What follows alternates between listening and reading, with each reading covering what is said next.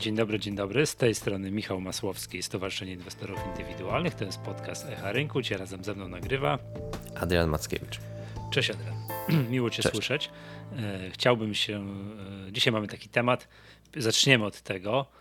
Tak zadam Ci takie pytanie. Skąd taka mini hossa na WIG-u 20? No troszkę teraz w ostatnich dniach przystopowaliśmy, no ale po takich wzrostach, że to było kilkanaście białych świec niemalże z rzędu, no to to taka tutaj lekkie ochłodzenie się należy, ale no wzrosty od poziomów tam 1300 kilkadziesiąt do poziomów 1750 są szokujące jak na standardy naszej giełdy. Chciałem cię zapytać skąd to się wzięło i jednocześnie zanim oddam ci głos tutaj mm, jak zwykle zasugerować, że jeżeli ktoś nas słucha w podcaście audio, mm, to żeby czasami sobie zajrzał na naszego YouTube'a, bo my tutaj sobie pozwalamy wyświetlać jakieś tam nazwijmy to pomoce naukowe, czyli wykresy. E, ja bym zaczął e, tutaj rozważania od mimo wszystko szerszego horyzontu czasowego, tak jak e, też ostatnio sobie patrzyliśmy, jak mógłbyś na przykład 10 lat włączyć.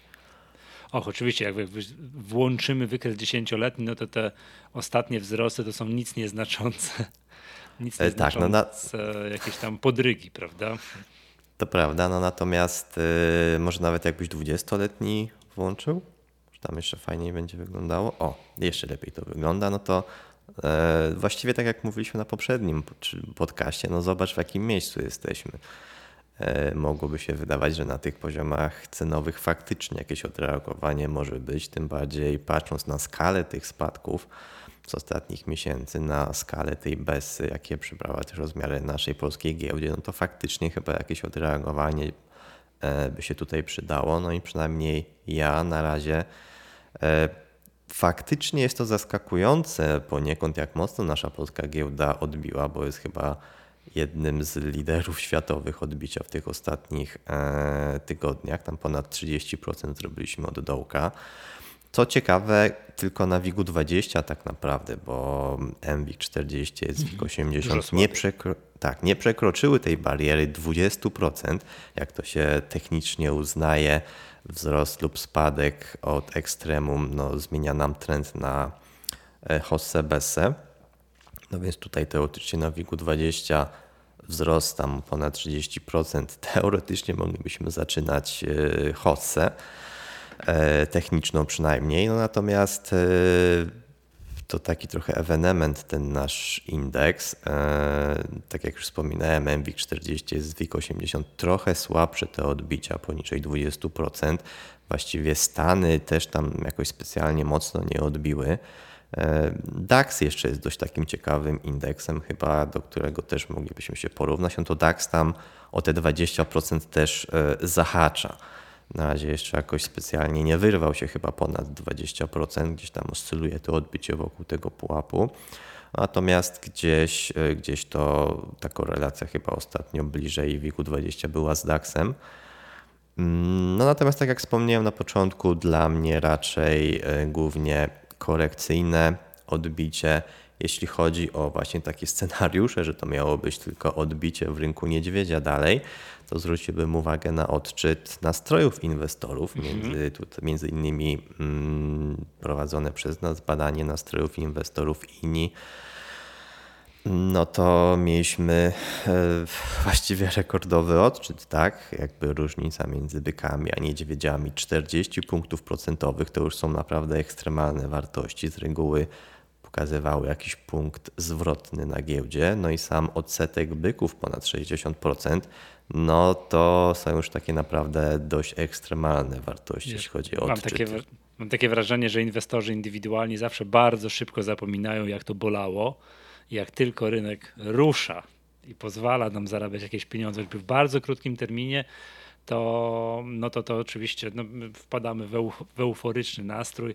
Są takie memy, które pokazują, jak to wiesz, wiesz nie wiem, chyba Bart Simpson chyba chwali się żonie, jak to zarobił 20% w listopadzie czy w październiku i ukrywa, jak to stracił od początku roku, tam grube kilkadziesiąt procent, prawda? Przecież od początku roku to wciąż jest tam minus 20 20 parę procent. Wiesz, to zanim o tych przyczynach wzrostu, to wydaje mi się, że będzie nam dużo prościej powiedzieć skąd taka bessa, no bo trochę nie nagrywaliśmy, a był taki moment, że tam byłem, dzielnie biliśmy się ze Sri Lanką o miano najgorszego indeksu na świecie. Na Sri Lanka to zdaje się jest kraj, który tam aktualnie bankrutuje, więc to mm, no, chluby, chluby nam to nie przynosi, prawda? Więc myślę, że warto w tym momencie wspomnieć o, no, co tutaj dużo mówić, o tej straszliwym wpływie polityki na rynek kapitałowych. Najpierw pomysłach o tak tutaj ministra Sasina na tak zwaną daninę Sasina, w końcu na pomysły premiera Morawieckiego mówiące o tym, że może by tak spółki energetyczne to jednak nie miały zysków w przyszłym roku, prawda? No, to, to, no i to jak to złożymy wszystko do kupy, a to weźmiemy pod uwagę to, że w WIG-u 20 jest bodajże chyba 11 jeszcze cały czas spółek z dominującym udziałem Skarbu Państwa. Gubię się ostatnio, bo to Lotos nam wypada, PGNiG nam wypada, tak Orlen robi się multikoncernem gromadzącym wszystko, więc ta liczba, ile tych spółek jest, ale chyba 11, możemy zaraz spróbować policzyć, no to mamy obraz polskiej giełdy taki, jaki mamy, tak? Plus cały czas mieliśmy te, no co tu dużo mówić, no blisko, bliskość wojny, tak? Inflację, to też możemy zaraz sobie tutaj jeszcze dwa słowa o tej inflacji, jak to zamykamy jedno oko i co my wróżymy, jaka ta inflacja może być na przyszłe, na, na przyszłe miesiące? I to nam daje ten niezwykle smutny obraz, obraz polskiej giełdy, która właśnie, no tutaj jeszcze wróćmy do krótszego okresu. Tutaj, w połowie października nam się piękne odbicie, jak już wszyscy wieszczyli tam już to po niektórzy ten wiesz, bitwę pod Płowcami i chrzest Polski zaczęli wymieniać, tak, to inwestorzy giełdowi lubują się w tych datach, no bo bitwa pod Grunwaldem dawno padła, tak, te, te, te wsparcie dawno, dawno tutaj pękło, no to nagle pstryk i, i wzrosty, się odbi- i wzrosty się tam rozpoczęły. Natomiast ja tutaj wróżę koniec tych, tych, tego, tego wspaniałego odbicia po tym, jak zobaczyłem pierwsze artykuły, które mówiły tak, po kolei.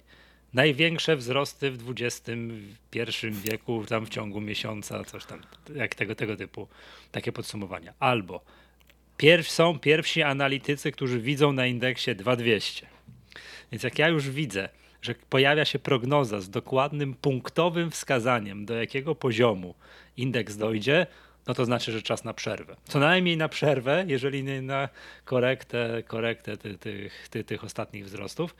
Natomiast przyczynę tych wzrostów, no tak jak miałbym upatrywać, no to po pierwsze tak, że po tak gigantycznych spadkach, to każdemu te, te, te te wzrosty tutaj, no nikt się nie może, no to nie powinno dziwić, to jest jakby pierwsza rzecz, a druga, drugie, druga przyczyna, jaką miałbym tak wskazywać, tak patrząc tak trochę poza granicę Polski, wydaje się, że chyba wygrywamy tę wojnę.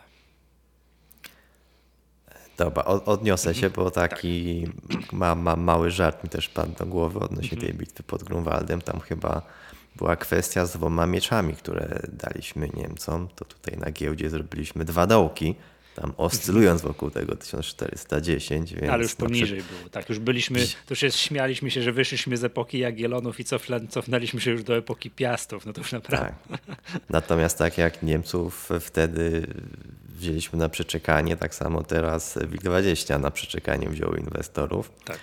E, odnośnie też e, tego wpływu polityki, no niewątpliwie, niewątpliwie są duży, natomiast nie wiem, czy w tym całym trendzie aż tak dużą wagę bym przykładał do, do tej kwestii. Jakby no bez, bez wątpienia to coś, co powtarzamy od, od zawsze i oczywiście jest to jak najbardziej prawda, że no, że ten, to upolitycznienie i te różne pomysły, jeszcze forma ich prezentacji w ostatnich miesiącach no, jest tragiczna. W sobotę wieczorem czy gdzieś tam. Tak, jakieś tam tweety i w ogóle tej, tego, mm, tej ustawy, którą, czy projektu, który Sasin przygotował, to nikt chyba nigdy nie widział i nie ujrzało to światła dziennego.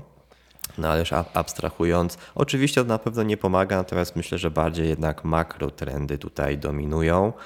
E, tak jak wspomnieć, geopolityka, no co tu dużo mówić w tym tygodniu, tragedia też, też jakby w Polsce z tym, że e, no jedna rakieta przedostała się. No jesteśmy państwem prawie że frontowym. Tak, dokładnie. Tak można powiedzieć, tak? Więc to, to, to na pewno nie pomaga. E, no i tak naprawdę to jest znowu to, o czym często rozmawiamy, że jesteśmy jednym z najtańszych rynków na świecie, jakiś tam C do Z Schillera, e, tam jeszcze z tą z uwzględnieniem inflacji też gdzieś tam nas plasuje na, na dole stawki, że jesteśmy tanim rynkiem, natomiast no tu bym podkreślił, że to też nie wzięło się znikąd. E, no, zna, wiemy, jakie jest otoczenie wokół, wokół polskiej giełdy, jakie jest podejście mm, no, polityków, ale nie tylko też polityków do, do, do polskiej giełdy. E, no więc to, to wszystko ma gdzieś swoje pokłosie. Wydaje mi się, że inwestorzy zagraniczni już się z tym oswoili, dlatego też tak, a nie inaczej nas wyceniają. No a jeśli jesteśmy też chodzi. Od lat tanim rynkiem. Tak. No, nie przez przypadek jesteśmy tanim rynkiem, jak się okazuje. Do, tak? Dokładnie i tak właśnie też już od wielu lat obserwuję różne komentarze, tutaj jakby no, na- nazwę to obserwatorów polskiego rynku, którzy też zwracają uwagę, że jesteśmy jednym z najtańszych rynków. No ja po tylu latach już nie, nie, nie widzę, te, nie, roz, nie, mm, nie postrzegam tego argumentu na zasadzie jesteśmy najtańszym rynkiem, więc może w końcu ta hossa u nas zawita, tylko bardziej szukam przyczyn, dlaczego tak długo jesteśmy najtańszym rynkiem. No i właściwie, co tu dużo mówić, podcast w podcast, właściwie sobie jakieś tam argumenty dorzucamy do tego koszyka, dlaczego jest tak, a nie inaczej. E, Natomiast jeśli jeszcze chodzi o te kwestie odbicia, e, weź wpisz też, Michał, pokażmy e, C do Z WIG-20. I też właśnie w takiej skali 20-letniej. Okej. Tam szerszej troszeczkę, tak? Tak. No, A- Zobacz, gdzie my tu jesteśmy. Ten jakby W okolicach historyczny ska- 10, tak? Ale to faktycznie patrząc na to, że potrafiliśmy być w okolicach 20 paru, a czekaj, no to tak patrzę skalę czasową, czy muszę sobie... Czy tak, e, do, do czego bym dołożył, to że odbijaliśmy z poziomów 6-7. Jakby ten dołek był gdzieś tam na poziomie 6-7 tego historycznego C do Z. No i wiadomo, że historyczny C do Z ma tam swoje, swoje wady, że uwzględnia te historyczne zyski, no a chyba można oczekiwać, czy mieć jakieś wątpliwości co do tego, jak będą się te zyski w przyszłe kształtowały w związku z wymagającym otoczeniem, no to jednak mimo wszystko pokazaliśmy sobie nominalnie WIG20, byliśmy na no, wieloletnich e, minimach, kilkudziesięcioletnich wręcz. E, No i na wskaźniku takim C do Z też teraz widzimy, że jesteśmy, na, czy byliśmy, właściwie cały czas jesteśmy na pułapach historycznie niskich, więc to na pewno są argumenty, które mogły też e, no, wspomagać takie scenariusze związane z jakimś nawet dynamiczniejszym odbiciem. Ja powiem, że fajny wykres też faktycznie, że tu już byliśmy na no niezwykle nisko, tak? Tak już myśmy przełączylibyśmy się na ten wykres. Okej, a to przepraszam, to bodajże ten wykres PDA no chyba jest troszeczkę w innej skali, że jest liczony Tak, on może być, e, mieć trochę krótszą historię. Jasne. No nie Tak. zmienia to faktu, że no to, znowu to, to pow- powtórzmy sobie to po raz kolejny, jest tanio, ale to wcale, to, że jest tanio, to wcale nie oznacza, że kiedyś będzie drożej, bo to tak jest tanio i tak miesiącami jest tanio, prawda? A przepraszam, to latami potrafi być cały czas tanio, że nasz WIG20 tanio, że, te, że to PDOE tam jest 10, kilkanaście i to wydaje się, o to to jest tanio, prawda? No i, no, no, no, no i co z tego, tak? No, hmm, nie zmienia to faktu, że odbicie, które tutaj mieliśmy, jest naprawdę fajne, zaskakujące, no aż miło, aż, aż miło popatrzeć, prawda? No tak, no i stąd mamy euforię teraz wśród inwestorów, co zresztą ogólnie nastroje światowe nie są też najgorsze, chociaż no, ten odczyt inni u nas chyba też jakby tutaj jeden z większych Euforyczny. optymizmów pokazuje, no ale też nasza giełda e, zdecydowanie tutaj, czy WIG20, czyli właściwie nasza giełda e, też była w czołówce tego odbicia. Dobrze, spróbujmy wyciągnąć szklaną kulę i troszeczkę powróżyć. Jak byś tutaj zapatrywał się na dalsze tygodnie, miesiące? Może tak by tutaj powiedzieć. Tak bym tutaj. Raczej Zapytał. spadkowo. Myślę, że te trendy, które dominują na giełdzie od kilku miesięcy, ta Bessa cały czas jest w trakcie. No, trwa już, można powiedzieć, ponad rok, więc yy, no, już jest w jakimś tam zaawansowanym stadium. Yy, Myślę, że początek przyszłego roku czy może być wymagający. Myślę, że w wielu przypadkach istotny wzrost kosztów e, firmy też zobaczą właśnie z początkiem przyszłego roku, chociażby ceny surowców energetycznych, tak, e, prąd, gaz. Myślę, że w dużej mierze też właśnie w przyszłym roku będzie to w przypadku niektórych firm mocno odczuwalne. No, oczywiście cały czas presja związana z popytem słabnącym konsumentem, to też jakby już od jakiegoś czasu e, no też o tym rozmawiamy, więc wydaje mi się, że początek przyszłego roku no, może, może stać pod. E, no tu cały czas jest sporo wyzwań, no jednak mimo wszystko inflacja nie ustępuje. Na razie, na razie polityka Fedu e, też jest skierowana na to, aby aby jednak walczyć z tą inflacją i tam cały czas mamy trend podwyższania stóp procentowych. No oczywiście e, może ta dynamika trochę spadnie, może mniej, wolniej e, będzie trochę Fed podwyższał te stopy, natomiast co do zasady tam trend też cały czas jest wzrostowy. Ale tam był taki moment, że tam jakiś kolejny odczyt inflacji nie był aż tak wysoki, jak się jak się wydawało i to tak rynek wpadł w lekką euforię, że to mhm. och, może jednak no, nie chciałbym, że, że suchą stopą, ale może nie będzie jednak aż tak tragicznie, tak? No bo to mm, Fed jest zdeterminowany do tego, że to Jerome Powell mówił wielokrotnie, że podwyższanie stóp będzie boleć, kryzys w gospodarce będzie boleć, mm, bankructwa będą boleć i to wszystko będzie bardzo bolesne, a i tak jest to mniej bolesne niż bardzo wysoka inflacja i po prostu nie wolno dopuścić do bardzo wysokiej inflacji, więc oni za wszelką cenę, choćby tam nie wiadomo co się działo, będą zbijać inflację. Pytanie jest teraz takie, bo to sporo wzrostów, powiedziałbym, w ostatnich dekadzie w Stanach oparło się na tym, że mieliśmy kolejne, nazwijmy, no, jak to się nazywa, luzowanie ilościowe, tak? Takie, tak. Ładne, takie ładne sformułowanie, które gdzieś tam ratowały gospodarkę, nie wiem, po 2008, ratowały gospodarkę w innych różnych przypadkach, no i powodowały zawsze duże zwiększenie płynności i duże zwiększenie mm, wycen giełdowych, tak? Tutaj tak ostatecznie. I teraz jest pytanie, czy teraz w bieżącej sytuacji Fed zdecydowałby się na jakieś kolejne luzowanie ilościowe? Wydaje się, że nie, bo inflacja. Tak jak do tej pory te przez ostatnie, no nie wiem, zamknę jedno oko, a 10 lat, tak? Te luzowania ilościowe nie przekładały się aż tak na inflację, przekładały się raczej na wzrosty na rynkach kapitałowych, na wzrosty wycen różnych aktywów. Tak teraz w tej sytuacji popandemiczno-wojennej, na świecie bardziej popandemiczno, to my tu w Polsce żyjemy, w Europie, w, w tej, w tej mm, no, w tym cieniu, w cieniu wojny, bo to przekłada się na wzrost cen surowców, no i to jest straszne. U nas to też jakby ekstra bodziec inflacyjny, a w Stanach to on jest troszkę mniejszy. Nie da rady teraz zrobić czegoś takiego, tak jak tutaj się na konferencji Wall Street, pamiętam, że się śmiali, znaczy śmiali się, bez śmiania, Sobiesław Kozłowski i Przemek Kwiecień, że to jak tylko było źle na rynkach, to Fed podawał pigułkę.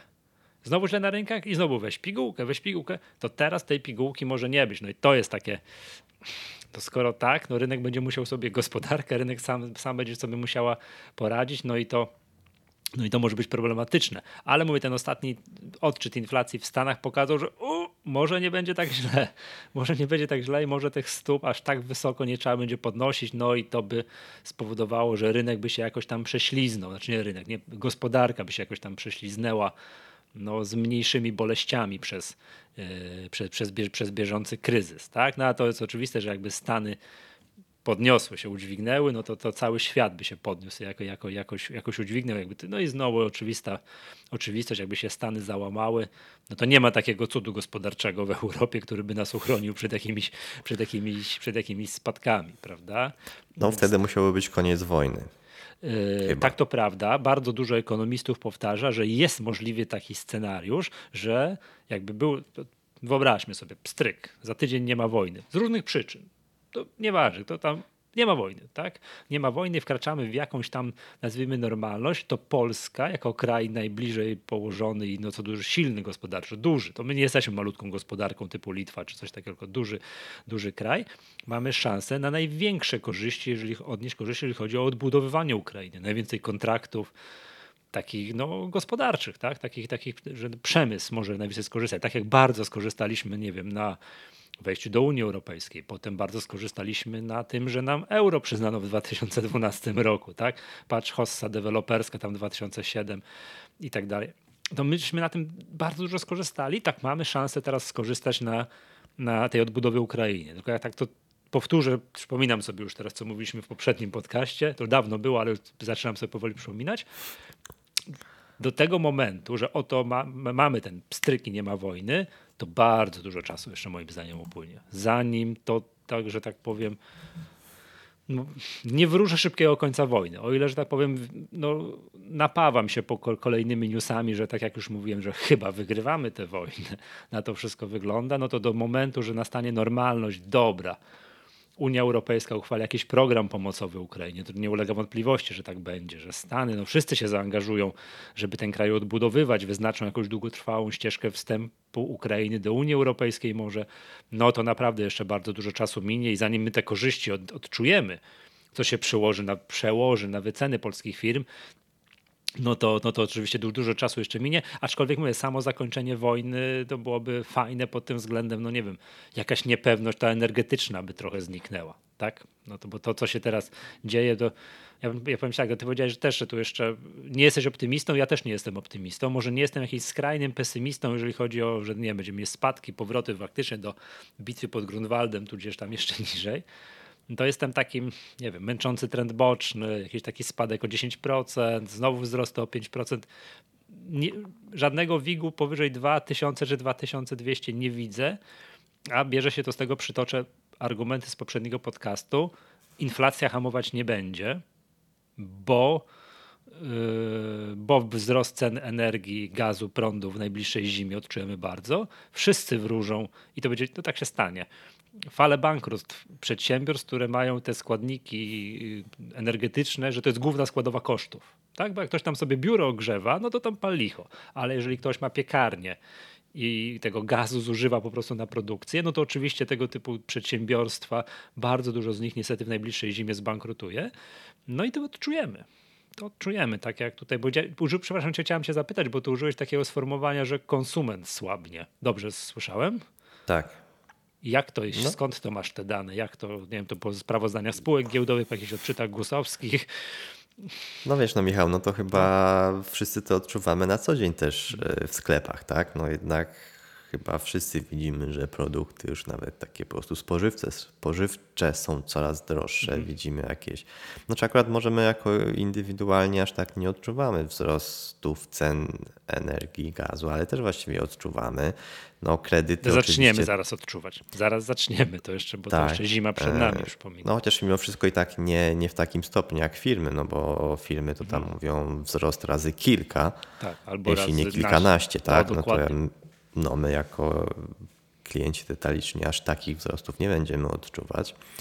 E, no oczywiście stopy procentowe, mm, czyli, czyli wyższe raty, no tu akurat wakacje kredytowe pomogły na pewno w istotnej mierze, no ale no już też widać pierwsze dane e, z GUS-u, gdzie pomimo dalszego nominalnego wzrostu wynagrodzeń, no to realnie one już zaczynają spadać, tak? Że jakby ta inflacja jest momentami wyższa niż y, wzrost wynagrodzeń. No inflacja poziomie 17% to, to nie ma takiego wzrostu wynagrodzeń. To jest, mm, to się nie dzieje, także no, tak. no, no i tak samo jak wspomniałeś też o spółkach, to też oczywiście to widzimy, że spółki zwracają powoli uwagę, że, że, że no powoli widać y, szukanie tańszych zamienników. No tu na razie chyba faktycznie przodują w tym sklepy detaliczne. Biedronka to już drugi kwartał z rzędu chyba mówi, że obserwuje takie trendy. E, presja kosztowa jest, e, problemy jakby z przerzucaniem tych wszystkich cen na, na klienta ostatecznie też, też są. E, no więc tak, no zdecydowanie konsument będzie słabszy. Słab. Mhm. Dobrze, więc abyśmy tak mogli po paru spółkach przejść, bo no tak ogólny taki, wiesz, widok na rynek, nasze perspektywy, no to przedstawiliśmy, ale jest parę kwiatków, na które moim zdaniem warto zwrócić uwagę. I pierwszym takim naszym nieśmiertelnym przykładem jest oczywiście CD Projekt, tak? który no to tu mam skalę jakąś dziwną, aha, to skala 20, nie, dwuletnia, tak, ale, ale skala taka pięciomiesięczna, no to wzrosty na CD Projekcie są oszałamiające. Oczywiście, wiadomo, jak się weźmie dłuższą skalę, przypomnijmy sobie te 400 zł tak, 400 zł na CD Projekcie w końcówce 2020 roku, kiedy tuż przed tym, jak to 10 grudnia, teraz będziemy obchodzili którą rocznicę? Drugą rocznicę, Drugą premiery, rocznicę. Cyber, premiery Cyberpunka, no to oczywiście to wykres dalej wygląda smutno, ale jak zobaczymy, że ten CD Projekt przez chwilę był po, nie wiem, 80, tak, No, 80 ale zł, tam lekko teraz, poniżej.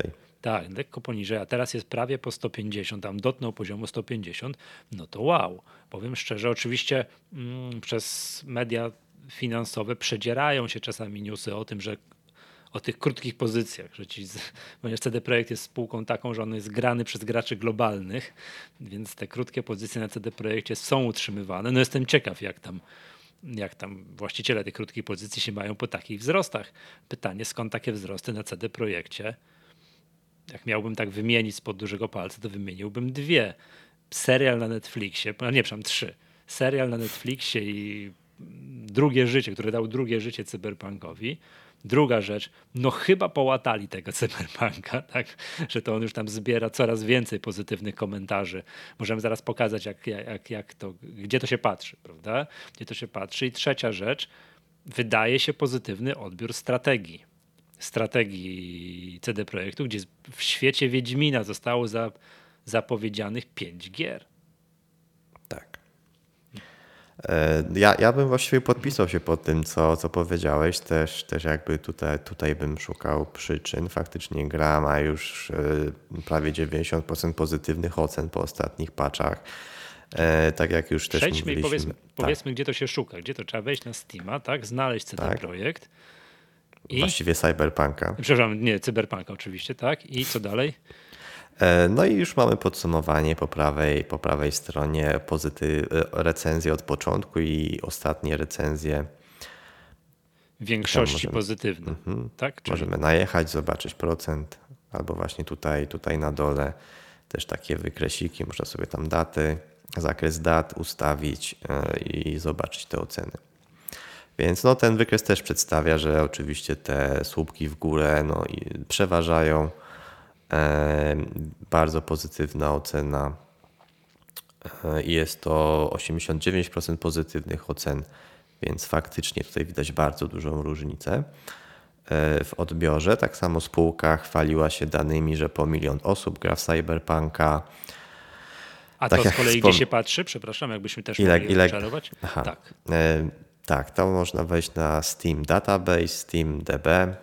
Tutaj też możemy wyszukać daną grę.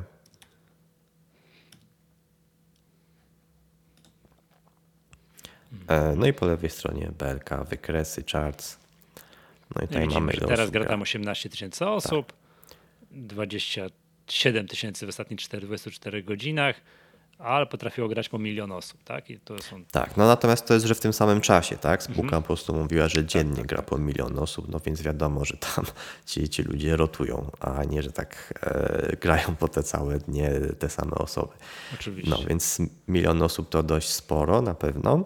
Ale to jest dwa lata. Eee. Przypomnijmy, że te dwa lata dopiero się zbliża rocznica, więc tu podejrzewam, Tak. że ten milion, tu jest ten all-time peak two years ago, no to znaczy, że tuż po premierze domyślam się, że Tak, grało. wtedy w jednym momencie grało ponad milion osób Mhm. e, w tym samym e, czasie.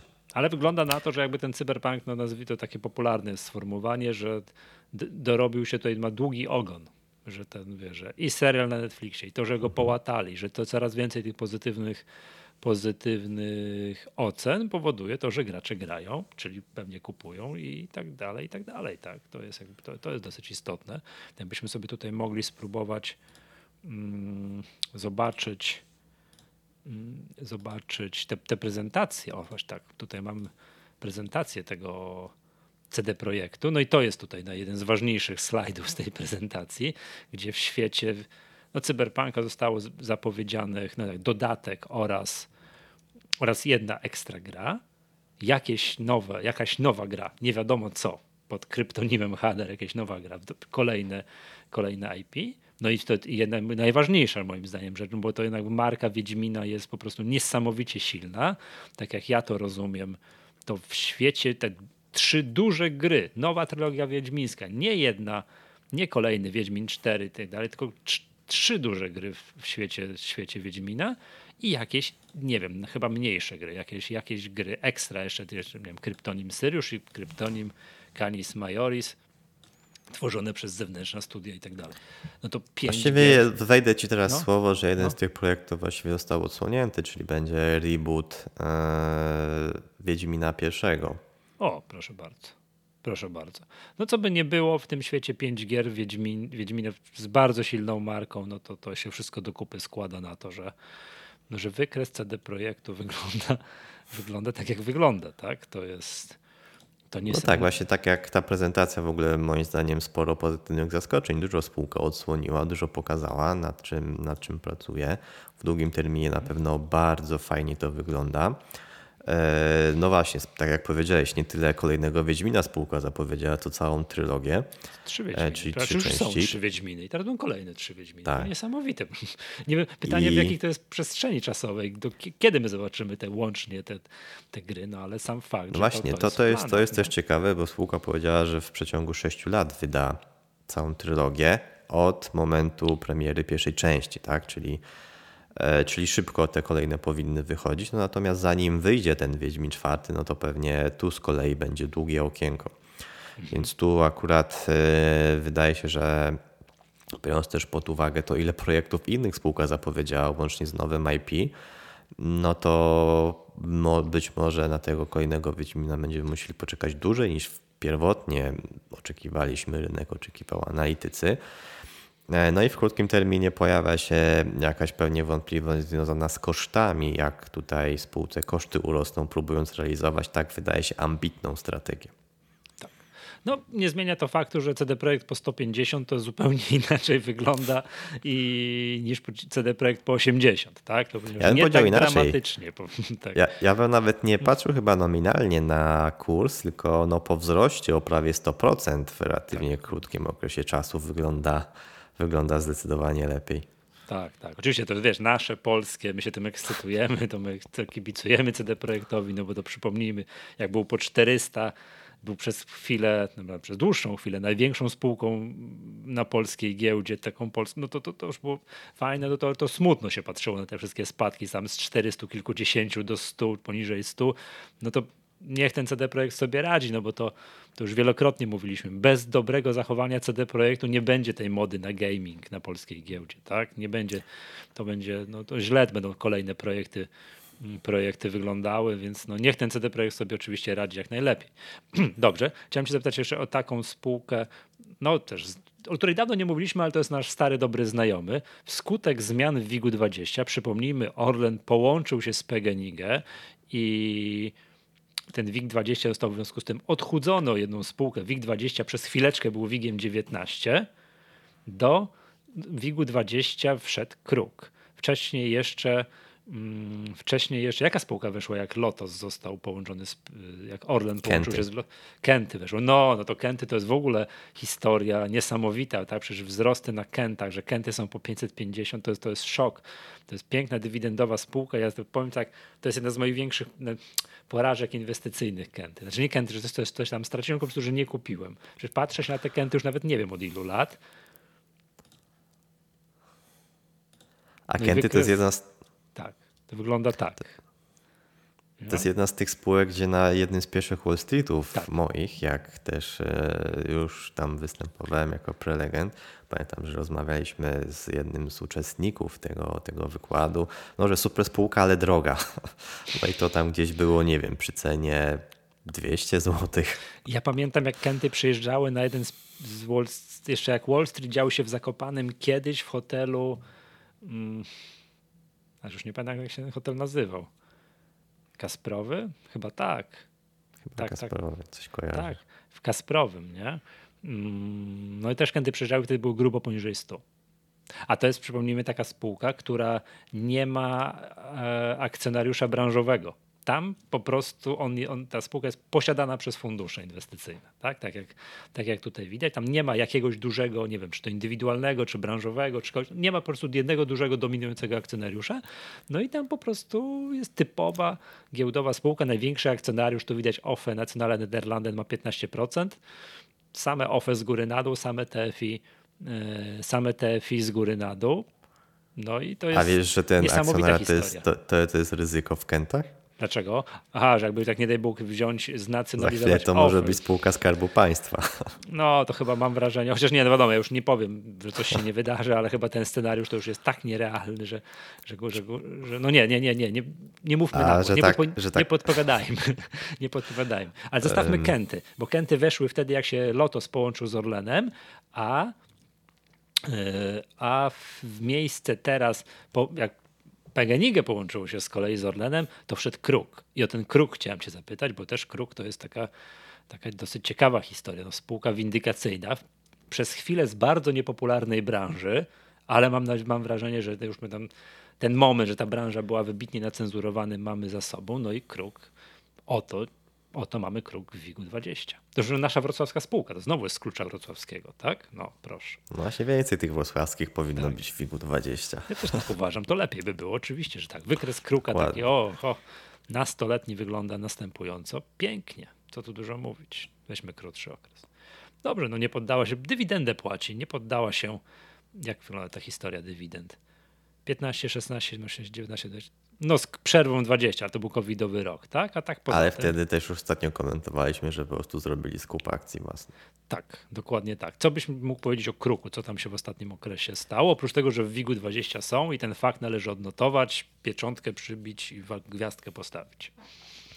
No, Kruk sobie radzi fenomenalnie, zważywszy na otoczenie, które wydawałoby się poniekąd mogło być wymagające dla spółki. Na pewno e, wzrost stóp procentowych, no to w przypadku Kruka większe koszty finansowe, to oczywiście, no czy no, w przypadku każdej spółki, która, która się finansuje długiem, no Kruk oczywiście z takiego długu też korzysta, tam część akurat nawet miał zabezpieczone e, kontraktami, więc, e, więc tak w jakiejś części też był zabezpieczony przed wzrostem stóp.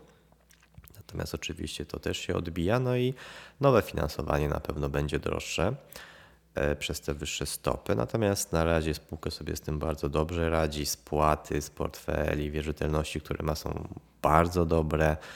E, Bardzo dobrze się spłacają e, portfele, które posiada Kruk, więc to, to wpływa na wyniki, które są no, też bardzo dobre, wręcz historyczne, rekordowe. E, EBITDA gotówkowa, rekordowe odczyty zysk netto, rekordy. E, W tym roku spółka pewnie 700 milionów złotych przekroczy e, zysku netto. Na ostatniej konferencji przedstawiciele wskazali, że w przyszłym roku, który wydawałoby się też stoi pod wieloma e, wyzwaniami, no na razie budżetuje, że ten zysk netto będzie jeszcze wyższy. No i z takich ciekawostek to też w listopadzie było nadzwyczajne walne zgromadzenie, w trakcie którego mm, no, akcjonariusze wyrazili zgodę na skup akcji własnych do 20% kapitału zakładowego, bardzo dużo, nominalnie do 1 miliarda złotych, gdzie Kruk obecnie ma wycenę 5-6 miliardów. E, no to to jest bardzo duży skup akcji, który też na pewno będzie tutaj 5,5 miliarda, PDOS 6,8, Mhm. czyli tak jak pokazałem, tak jak poniżej średniej ceny z średniego PDOS polskiej giełdy. Jeszcze raz wróćmy tego akcjonariatu, to jest też widzę Piotr Krupa, a oprócz tego wszystkie możliwe TFI, OFE TFI, fundusze, jakie sobie tylko ktoś nazwę. Wymień dowolne TFI, to będzie w, będzie w akcjonariacie Kruka. albo będzie jako obligatariusz. Albo tak. Yy, dzisiaj logowałem się na rachunek maklerski, jakaś reklama oferty obligacji Kruka chodzi za mną. Tak. A to też jest ciekawe, bo Kruk właśnie też robi specjalne transze dla inwestorów e, detalicznych, indywidualnych. No i też właściwie one z reguły cieszyły się dużą popularnością, dużym zainteresowaniem. Więc też pod kątem relacji inwestorskich, jak dla mnie, Kruk też jako jeden z takich liderów, wzorów do naśladowania, no, po- podoba mi się to, w jaki sposób spółka się komunikuje, prowadzi te relacje inwestorskie. No, dla mnie tutaj jeszcze cofnę się, no, warte podkreślenia jest to, że kolejna duża, fajna, prywatna spółka do nie no, użyję tego słowa, doczłapała się do WIG-u 20, tak? Weszła do tego WIG-u 20, my tak jak żeśmy mówili, powinniśmy mieć w WIG-u 20 CD Projekty, Dino, Kruki, Kenty, tak?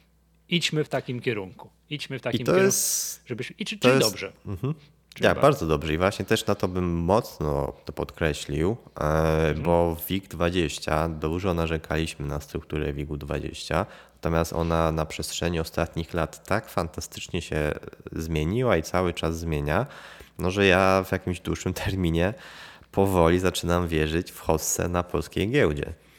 E, bo ten skład indeksu WIG20 naprawdę wygląda coraz, coraz lepiej. No bo patrz, Maseko prywatne, Allegro prywatne, CCC prywatne, chociaż ostatnio z przebojami tam strasznymi, prawda? I tak wolę CCC. CD Projekt wiadomo, mówiliśmy, Cyfrowy Polsat, Dino, proszę, teraz będzie JSW, KGHM państwowe, Kruk prywatny, tu nachwaliliśmy się, Kenty nachwaliliśmy się, LPP prywatne, mBank prywatne, Orange prywatne, Pepco prywatne, PKO no, państwowe PG, państwowe Orlen, państwowe PKO, BP, PZU. A to już wsadziłem, że policzmy jeszcze raz te, te, te, te spółki. Wyszło mi 7. 7. No, o, tylko, proszę, to skąd tylko ja wziąłem 11? Chodzi o, to ja żyłem jeszcze w erze PGNiG, w Lotosach. Tak i coś tam jeszcze, tam teraz coś wypadło. No oczywiście, że tak, natomiast problem jest taki, że jak już y, spółka wchodzi do WIG-u 20, to znaczy, że jest po bardzo dużych historycznych wzrostach, no bo musi odpowiednio być duża, żeby wejść do WIG-u 20 i tak dalej. No i to czasami jest tak, że potrafimy pokazać przykłady z nieodległej historii Patch Mercator, które najlepsze, co miały, miały mieć, to miały zanim weszły do WIG-u 20, a jak już weszły do tego WIG-u 20, no to to już był obraz nędzy i rozpaczy. No oby tak tutaj tutaj abyśmy mieli mniej przykładów takich jak Mercator, a więcej takich, no, że jak już spółka jest w tym WIG-20, to to już jest duża, fajna spółka. Więc to jest, to jest taki trochę problem. Między innymi stąd, jak popatrzymy historycznie, to, to w, in, no, w ostatnim okresie nie, ale historycznie tak. Indeksy typu SWIG 80 zachowują się co do zasady lepiej niż, e, niż WIG-20, prawda?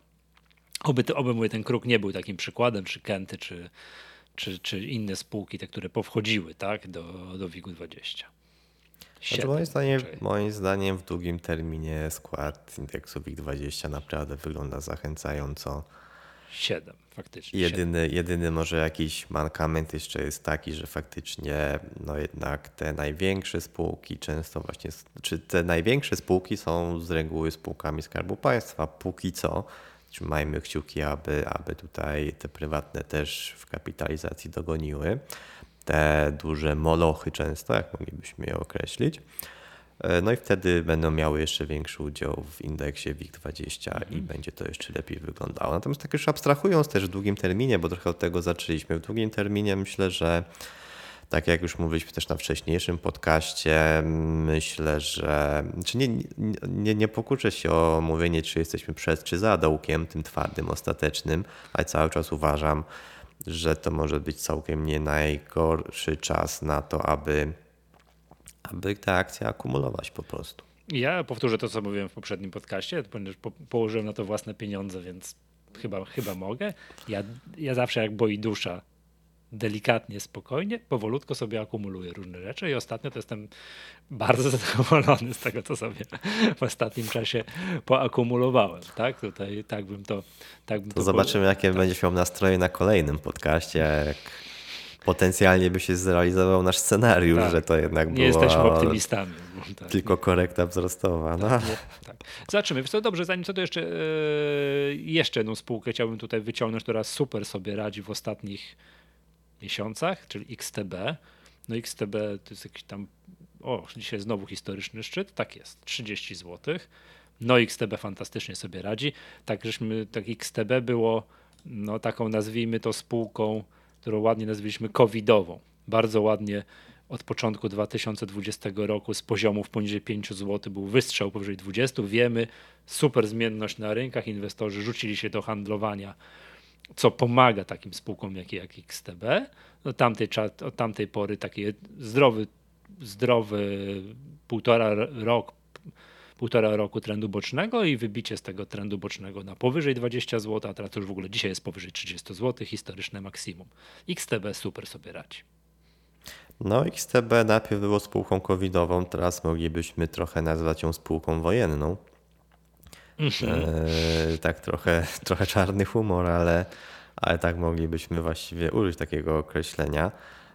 No, oby dwa wydarzenia sprzyjały spółce, e, właśnie przez podwyższoną zmienność. No i akurat jak dla mnie ten rok to spore zaskoczenie, e, a może przynajmniej trzeci kwartał, może nie tyle ten rok, co trzeci kwartał, bo spółka miała fenomenalne wyniki bez tam uwzględnienia przychodów finansowych, które, które też wsparły w istotny sposób, no to i tak trzeci kwartał zamknął się zyskiem netto 200 milionów złotych, no to to wow, to po mhm. prostu na dobrą sprawę brak, brak jeden słów. Kwartał, nie rok, jeden, jeden kwartał. kwartał. Tak, jeden tak. kwartał. Tak. E, no, no to, i... to sobie można wyobrazić, że przy czterech kwartałach, przy jakimś super złożeniu sytuacji rynkowej, to pod miliard będą podchodzili zysku. No tak, w tym roku prawdopodobnie miliard zrobią, bo w wcześniejszych pierwszy, drugi kwartał też oscylowali wokół 200 milionów złotych zysku netto. Tak. PDE 4,46. Tak, akurat C do Z wydaje mi się, że tam może być, e, utrzymywać się relatywnie niski, no ale, ale to już jakby inna historia.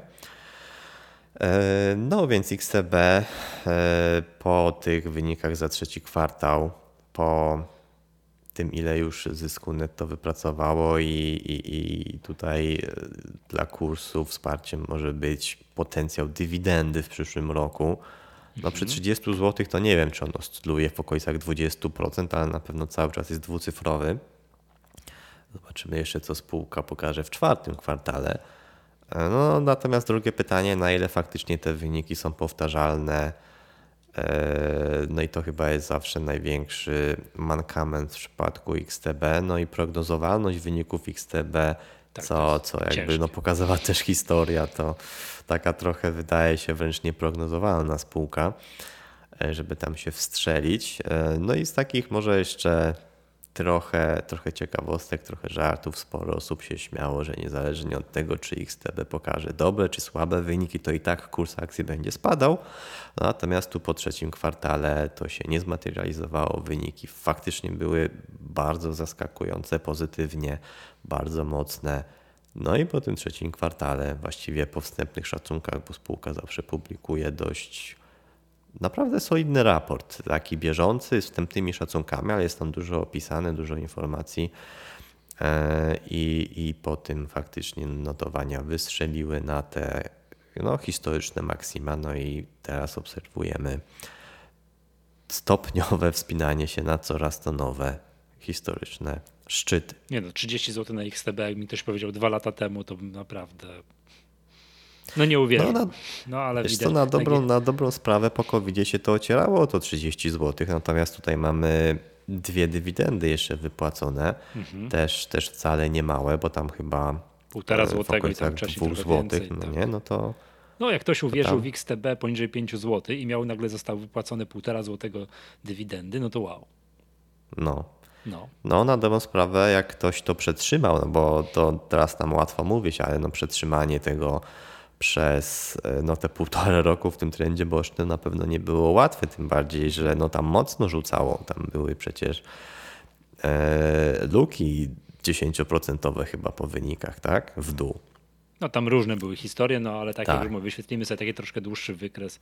No oczywiście, po fakcie się to łatwo mówi. Trzeba było kupić XTB tam na początku 2020 roku i wszystko jest dobrze. No, historia giełdowa zna wiele takich przypadków że trzeba było coś gdzieś kupić, Mercator poniżej 50, sprzedać za 500 i tak. byłby święty spokój, prawda? Dobrze. Jeszcze na sam koniec yy, chciałem cię zapytać, bo też wpisałeś do planu odcinka branżę odzieżową, tak ogólnie, że ponoć tak. się całkiem przyzwoicie dzieje. Branża odzieżowa mnie zaskakuje, byłem negatywnie nastawiony ze względu no, po części na konsumenta, po części na e, na dolara, który jest, jest drogi, e, no natomiast e, wiele spółek podaje jakieś miesięczne dane, miesięczne szacunki, właściwie raporty okresowe, kwartalne też wyglądają cały czas e, w wielu przypadkach dobrze, jeśli nawet nie bardzo dobrze. Przychody, przychody rosną, są powyżej przychodów z, sprzed pandemii, więc te rynki się odbudowywały, marże są wysokie. No, miałem tu raczej scenariusz taki negatywny przed branżą. Eee, natomiast tutaj pozytywnie jakąś zaskakuje spółkę konkretną wyciągnąć. Na przykład Monari. Monari tutaj przoduje, to Monari jest w ogóle dla mnie zaskoczeniem, bo przypominam, że w Monari, Monari no to może we, węższy wykres trochę, Tak, no bo. e, bo tu może nie wygląda to aż tak dobrze. A bo Monari jest Mm, ale na nie wiem, dwuletni. długo.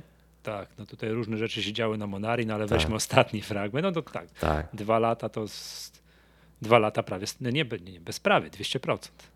tak. No więc Monari tutaj się odbudowuje. E, To jest dla mnie o tyle zaskoczenie, że no tam w przypadku Monari mieliśmy case. e, Spółka została czy zhakowana, e, jej dane finansowe, musiała rę, czy ręcznie faktury do systemu wprowadzać, zaległe, stare, tam sprzed e, kilku miesięcy czy kwartałów. Więc pewnie nie ułatwiało to prowadzenie działalności, natomiast e, no to jest właśnie jeden taki przykład spółek, które operacyjnie bardzo dobrze sobie radzą. Tam był raport za drugi kwartał, bardzo dobry. E, Dobry operacyjny kwartał, dodatkowo wsparty jeszcze wynikami z tytułu sprzedaży mm, części nieruchomości, którą spółka mm, zakupiła chyba już kilka lat wcześniej. E, Także operacyjnie bardzo fajne marże, bardzo fajne przychody, sprzedaż dobrze idzie. E, Dodatkowo tutaj wsparty tą, tą, tą sprzedażą wyniki, mm, poprawa tam sytuacji płynnościowej dodatkowo dzięki temu, więc no sporo, sporo takich też mniejszych spółek odzieżowych e, powiedziałbym, że mnie pozytywnie zaskakuje, jak dobrze sobie radzą. A CCC A, cię zaskakuje, czy, czy E, nie? zaskakuje? Nie, CCC mnie nie zaskakuje ani trochę. No to CCC ciężki przypadek. Wygrzebią się? ciężki.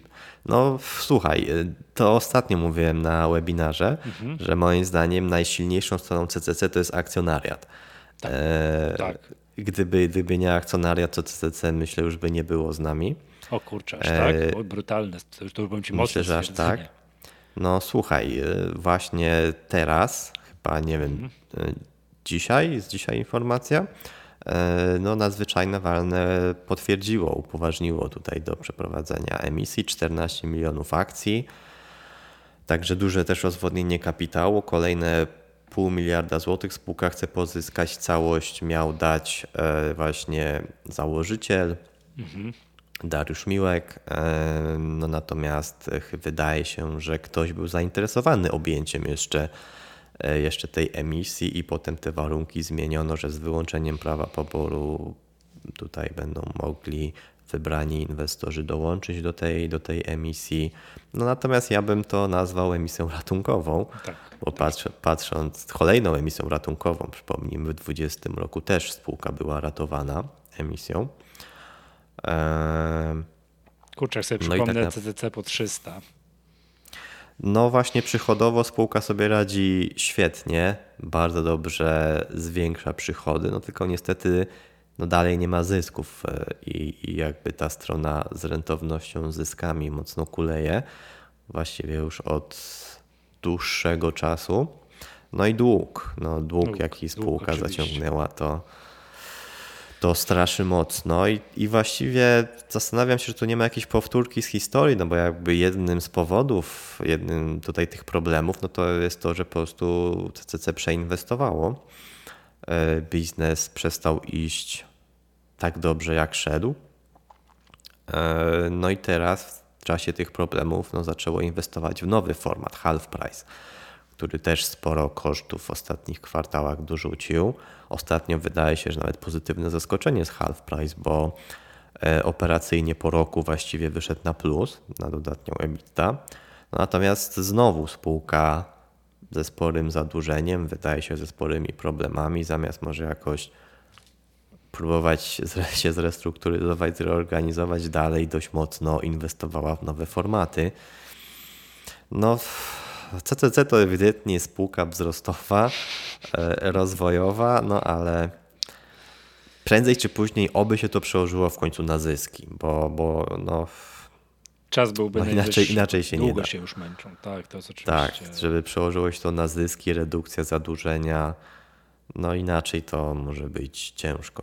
Mhm. No ale jest za to stabilny, mocny akcjonariusz, który tutaj tam. Trzyma tam. Trzyma. Tak. Jeszcze jakąś spółkę odzieżową chciałbyś tutaj wyświetlić? E, Właściwie możemy Answer wyświetlić. To też jest niedawny debiutant e-commerce. No akurat może nie zaraportował teraz jakichś super wyników za trzeci kwartał, szczególnie na poziomie zysku netto. No też nie wygląda tu zbyt dobrze, tak?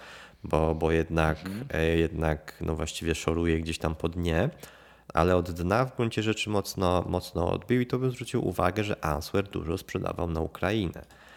To był dość, dość istotny kierunek.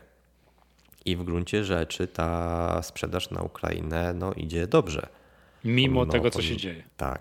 I to, to moim zdaniem jest spore zaskoczenie z wielu spółek, e, bo też zastanawialiśmy się, że jak ta Ukraina będzie sobie radzić i że ten rynek właściwie też odpadł razem z rynkiem rosyjskim. No a okazuje się, że Ukraina sobie radzi. E, dobrze. I ta sprzedaż na Ukrainę się odbywa. e, i, i je- jest prowadzona. Tak? I to, to między jednym przykładem jest Answer, który wydaje mi się, że nawet sporo główne zyski, przynajmniej po półroczu, to wykazał z Ukrainy. Tak? Tam wzrosty zysków były na Ukrainie, więc sprzedaż tam była kontynuowana. Innym przykładem jest Asbis, gdzie w ogóle O, Ukraina jest jest- trzecim rynkiem Asbisu. Asbis tak? A przecież się zastanawialiśmy, czy w Gwiazda. ogóle jakakolwiek sprzedaż tam będzie. Gwiazda Więc- ostatnich miesięcy. Tak. Więc w Asbisie Ukraina też sobie bardzo dobrze radzi. E, No i w wielu innych spółkach też to widać, że Ukraina wcale nie stanęła i wojna trwa na, na wschodzie, no ale powiedzmy, że tam, gdzie wojny nie ma, no to ludzie żyją dalej, kupują i, i wcale ten rynek e, nie odpadł, tak? Nie, No to, to wróćmy nie do początku naszej rozmowy, że Mhm. Ewentualne zakończenie na wojny na Ukrainie, ewentualny powrót do jakiejkolwiek normalności, no to jest gigantyczna szansa dla polskiej gospodarki. Tak, to, to Myślę, spółki, tak. które dzisiaj mają tam ekspozycję i tak różnie to jest, tak, chociaż Asbis Transfer pokazuje, że to, że może być nawet nawet, to jak gdyby tam wyobraźmy sobie, co mogłoby się dziać w tych spółkach, gdyby tam wojny nagle nie było. No. No czemu oczywiście to bardzo od- kibicujemy, tak? Już nie chodzi o to, żeby nasze spółki sobie lepiej radziły, tylko kibicujemy, żeby po prostu było normalnie, żeby tam po prostu można było normalnie żyć. Tak, tak, tak, tak. Tak, po, prostu pierwsze sentyment, ludzku. który no, ewidentnie by się też na pewno zmienił e, na bardziej pozytywny, no a po drugie jakieś długoterminowe szanse pewnie też są. Pytanie, czy je wykorzystamy. A wracając Mhm. do odzieżówki, jeszcze Witchena możesz wpisać, bo też mnie zaskakuje, jak Witchen sobie dobrze radzi. Jak to się, Boże, nie, czekaj, jak to się pisze? Witchen. Tak, tak.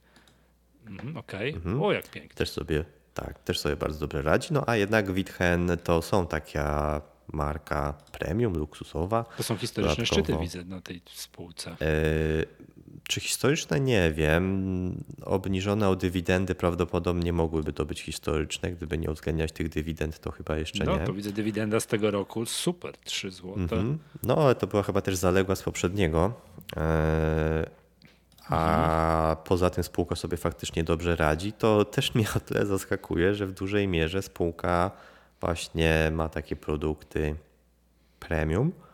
E, I do tego no jednak Witchen mi się kojarzy głównie z walizkami, tak? Czyli Tak. trochę branża turystyczna, A mi, która a, mi z portfelami, teczkami, z takimi. Też. Tak. z takimi dodatkami też Tak. jak najbardziej. E, No więc no nie spodziewałem się, że tak dobrze może sobie, A powiedz e, mi, sobie ten, y, oni mają jakiś e-commerce tam daleko taki dobry, bo to tak mi się kojarzy to, Mm. że jednak wiesz, że w erze takim nazwijmy to mniejszej, wiesz, covidowe lata, mniejszej popularności sprzedaży w punktach detalicznych, to jak ktoś postawił na e-commerce, to żyje, a jak nie, no to ma problem. No przepraszam, wracając do CCC, no dzięki Bogu, że ten Darek Miłek kupił to e-obuwie. Będę wtedy na Wall Streetie mówił, że Mhm. tak, no bo gdyby nie e-obuwie, no to ja nie wiem, co by to, jakby to CCC działało dalej, prawda? To rozumiem, że Nawet ka- e-obuwiem działa średnio. no, dokładnie. To rozumiem, że każda taka spółka musi już teraz e-commerce mieć solidnie rozwinięty, bo jak tego nie ma, no to bazując tylko na salon, na, czy takiej sprzedaży takiej no, w centrach handlowych, jakichś sklepach stacjonarnych, to różnie mogłoby być. A tu widzę pięknie, piękny wykres. Tak, Witchen też budował jeszcze przed pandemią e-commerce. No oczywiście przyspieszył to budowanie e, w trakcie pandemii. Natomiast trendem ciekawym jest cały czas omnichannel, tak? No bo to, to też właściwie jest taka ciekawa kwestia, no bo był taki okres, gdzie chyba próbowaliśmy budować jakieś wnioski argumenty, że właściwie sprzedaży stacjonarnej to już nie będzie. To odchodzi do lamusa, nikt nie będzie chodził po sklepach, po galeriach.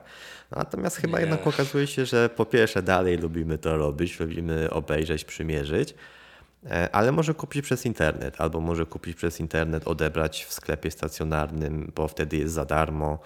E, żadne tam kuriery, paczkomaty, żadne limity zamówienia i tak dalej.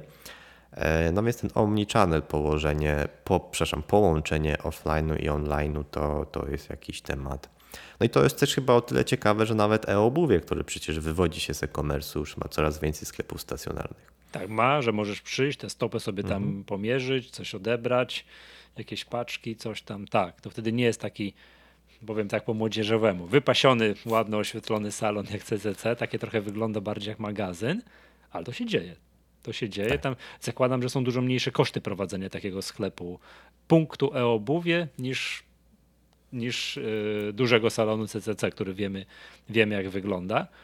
Więc no, Jakiś tam, jakiś tam kierunek jest. Tak, No w szczególności jak kupujemy jakiś taki produkt jak buty, co warto byłoby przymierzyć, tak?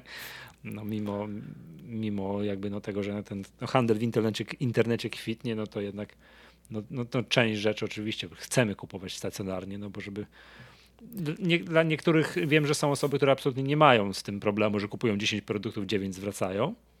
Mnie, przyznam szczerze, do szału to doprowadza, że jak muszę takie rzeczy robić, ja lubię kupić i, i od razu, żeby było dobrze. Tak? Nienawi- jest- Nienawidzę zwracać produktów, bo to jest po prostu dodatkowe, no nie chciałbym powiedzieć, że koszt, bo to, to praktycznie jest bezkosztowo. Czas. Czas, zamieszanie z tym związane i wiem, no domyślam się, że jest grupa konsumentów takich, że kupię 10, zwrócę 9, jest szeroka i grupa konsumentów takich jak ja, że lubi kupić jedno i mieć jedno. I, że, I to tak ma być od razu dobrze. Też zakładam, że taka grupa konsumentów jest szeroka. Jakieś badania chętnie bym poczytał na ten temat, jak, jak wygląda to. Jak wygląda, bo zakładam, że ci operatorzy tych dużych sklepów e-commerce, jakieś CCC, LPP i tak dalej, no mają takie dane, jak to, jak to wygląda tak statystycznie.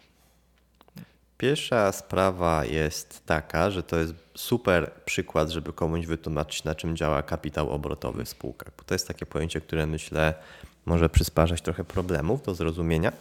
No to jak komuś powiesz, y, że zamawiasz 10 rzeczy od razu za nie płacisz, no i z jednej strony wiesz, że tam połowę oddasz, bo na przykład to trzy, trzy te same rzeczy w różnych rozmiar, Tak. rozmiarach przymierzasz, no to od razu z zamysłem, że dwie oddasz. No nie? Natomiast tak. zapłacić musisz teraz, więc na jakiś czas mrozisz te swoje pieniądze, e, żeby potem je odzyskać. No to to jest moim zdaniem idealne zobrazowanie, jak działa kapitał obrotowy i że spółki zatowarowują się, kupują te rzeczy, no po to, że komuś je potem sprzedadzą, tak? I na jakiś tam czas mrożą ten, ten kapitał. One oczywiście częściowo korzystają z jakiegoś, jakiejś formy zadłużenia kredytu kupieckiego albo obrotowego. Natomiast myślę, bardzo dobry przykład na wytłumaczenie, jak to działa, jest taki, takie życiowe. Druga sprawa, wydaje mi się, buty są o tyle ciekawe, że powstały te aplikacje, chyba e-obuwie też ma to e-size, gdzie tam Tak. można iść do sklepu, wymierzyć sobie stopę i właściwie zapisać ją w aplikacji. Wiadomo, jakie buty kupujemy. Ale A to do czego, do czego chcę... krytyce, bo to mi nie, Tak? buty, które kupuję według tego, tej rozmiarówki S-size są dla mnie za małe. A, tak, no to muszę. A, może, a, no- albo, albo jak sierota zmierzyłem, albo to jednak coś jest nie tak z tą rozmiarówką. No, może to jeszcze dopracują, natomiast do czego chciałem dążyć, to z butami jest też o tyle ciekawe, że but raczej nie rośnie i nie maleje z nami, jeśli nasze ciało rośnie bądź maleje. Oczywiście mam tu na myśli, jeśli e, grubniemy i potem chudniemy, tak? No to o ile kupić koszulę, czy ogólnie jakiś tam odzież jest pewnie większe wyzwanie, no to w takim kupując buta, co do zasady raczej mamy ten, Tak. Ten sam, sam rozmiar stopy, przynajmniej osoby dorosłe, oczywiście. Tak. Tak. Dobrze, Adrianie, bardzo Ci serdecznie Ci dziękuję. No, kilka tutaj prognoz postawiliśmy, kilka ciekawych spółek. To jest zawsze fajne, nie? Zawsze można, bez względu na to, jaka nie byłaby Bessa, bez względu na to, jakby źle się nie działo na rynku, to zawsze da radę, jak nie CD Projekt, to XTB, to tutaj tak, to Kruka, czy, czy ten Witchen. Jak to się czyta ten Witchen? To. Witchen. Witchen się czyta, rozumiem. Witchen, bo to jest polska firma, tak? Więc wiem, że niektórzy próbują Witchen. Trochę jak Od razu- Witcher. Wiesz, albo Witcher, dużo, no du, nie? dużo, dużo widać z CD Projektem wspólnego. Mogliby mieć kie- jakąś Mhm. franszyzę, takie, czy jakieś tam, wiesz, połączenie, jakieś tam, tak, portfele kiedyś ze znakiem Wiedźmina mhm. sprzedawane. Kiedyś to badałem i Witchen. Super. Nie, no tak masz to zbadane, to bardzo dobrze. Witten zawsze można takie spółki wyłowić, tak? Czy Asbis, który jednak na tej Ukrainie daje radę, no to, to, to, to zawsze fajne jest, tak? Że to, jak ktoś jest dobrym inwestorem, to sobie, to, to sobie, to sobie zawsze coś znajdzie. Tak? Dobrze, bardzo serdecznie dziękuję. Jeszcze raz tutaj zachęcam do słuchaczy, którzy dotarli do tego podcastu w wersji audio, żeby czasami wejść na naszego YouTube'a tutaj stowarzyszeniowego, bo my sobie tu jakieś wykresy pokazujemy, składy akcjonariatu badamy, czy, czy patrzymy, jakie spółki dywidendy wypłacają i wspomagamy się stukiem tutaj akurat. Także, także to zawsze bardzo pomaga. Bardzo serdecznie dziękuję. To był podcast Echa Rynku. Ja nazywam się Michał Masłowski. Był z nami Adrian Mackiewicz. Do usłyszenia i do zobaczenia następnym razem.